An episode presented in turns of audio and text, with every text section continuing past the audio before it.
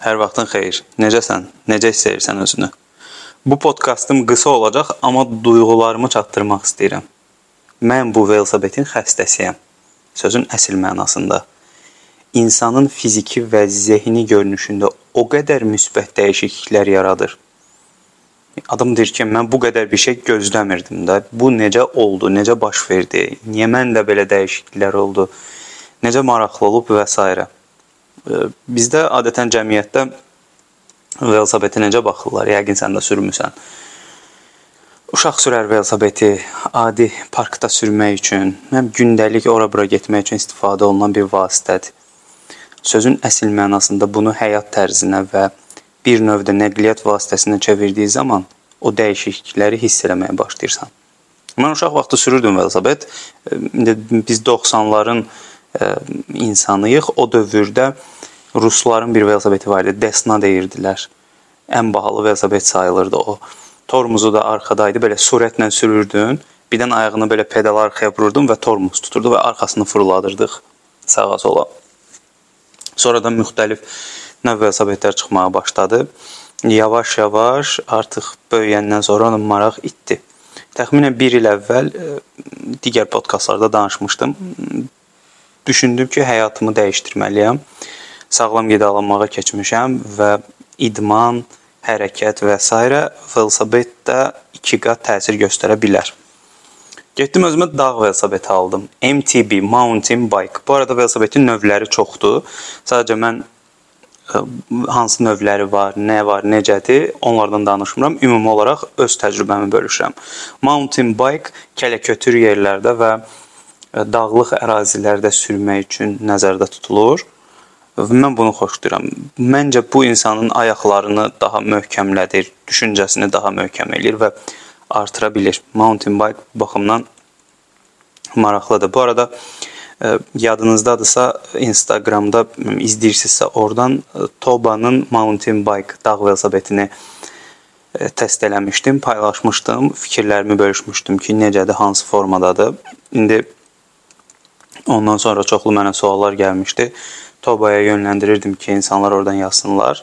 Hansı ki, e, Toba yerli bizim markamızdır və e, yerli marka olaraq o bazarda yavaş-yavaş inkişaf eləməyə başlayır və e, orada hər cür velosipedlər var. Dağ velosipedi var, şose velosipedi, uşaqlar üçün nəzərdə tutulan velosipedlər və qiymətlər də 80-4500 manat aralığında dəyişir. Hətta orada mən mağazaya baxmışdım. Deməli 8000 manata, 10000 manata, 16000 manata e, professional yarış velosipedləri də var idi. Yəni bilirəm qiymətlər belə çox bahadır, amma ümumi olaraq əgər sən bir professional bir seqmentə çıxırsansa və uzun müddətli velosiped istifadə edəcəksənsə, çox ucuz velosipedlər səni yora bilər.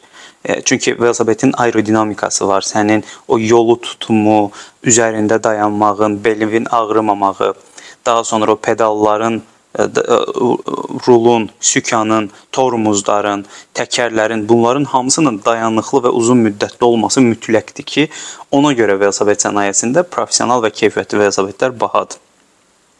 Məsələ budur.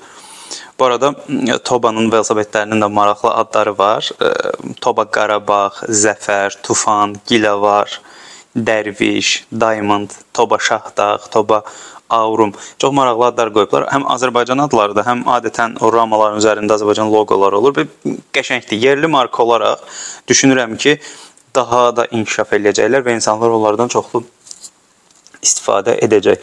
Bu baxımdan indi podkastın sonunda da linkini qoyacağam Tobanın. E, girib orada araşdırarsınız əgər marağınız varsa. İndi keçirəm digər məsələyə. Amma keçməmişdən öncə bir dənə də məlumatı unutdum. Deməli, Tobanın velosiped modelləri və aksesuarları var. Bunu sən həm kreditlə, həm taksit kartı ilə əldə edə bilərsən. Servisləri də var. Belə. Velosiped. Bu o keçid eləyirəm mövzuya, velosipedi deyirəm. Əbi sanki oturmuşam səndən üz-üzə, sənə izah eləyirəm, belə duyğusallaşıram, üz ifadələrim dəyişir, mimikalarım və s.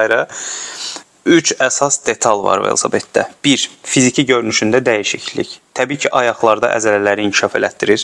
Çünki sən onu davamlı olaraq hərəkət elətdirirsən. İkinci detal.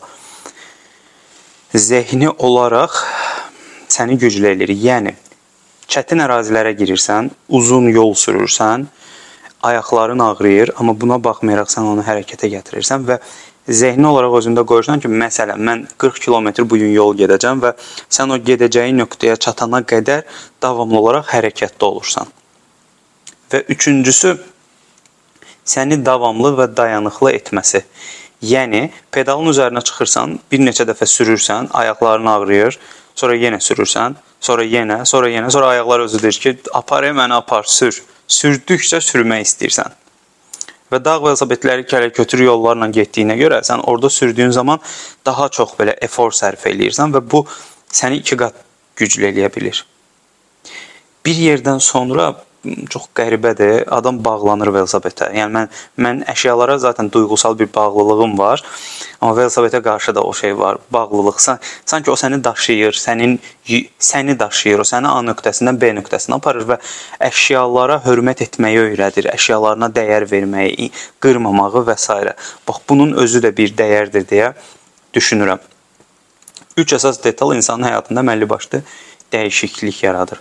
Hə, bir də o ki o gücün tükənir, yorulursan, amma pedalları davamlı fırladırsan, hansı ki o surəti yığırsan, gedirsən, bax oradan aldığın zövqün özü insanı həyatda tutur. Həyatda tutur dediyim şey çətinliyi nöqtəsindən gəlmək, narahatlığı aradan qaldırmaq, öz gücünə güvənmək və s. məsələləri öyrətmiş olur. Dağa qalxmaqdır, hiking etməkdir, çətin ərazilərdə gəzməkdir. Bax eyni reaksiya olur. Necə orada sən özünlə mübarizə aparsan, özün özünün o qəliblərinə güc gəlib daha yaxşı olursan, burada da o məsələlər baş verə bilər. Belə velosipedlə bağlı sualların olsa mütləq mənə yaza bilərsən və yaxud Tobaya da yaza bilərsiniz. Aşağıdan linki qeyd eləyəcəm, hansı ki onların ə, e, sosial media səhifələridir. Onlara yaza bilərsiniz. Mənə də suallarınız olsa hər zaman yaza bilərsiniz və bir qrup yaratmaq istəyirəm. Velosiped qrupu bir yerdə sürək. Bulvar ola bilər və yaxud müxtəlif ərazilər bir yerdə sürək. Həm kommunikasiyamız olsun, həm o idman adına, bədənimizin sağlamlığı adına yaxşı işlər görə bilək. Belə. Tobaya təşəkkür edirəm bu podkastda göstərdiyi dəstəyi üçün. Dinlədiyinə görə də təşəkkür edirəm. Növbəti podkastda görüşərik. Hələlik.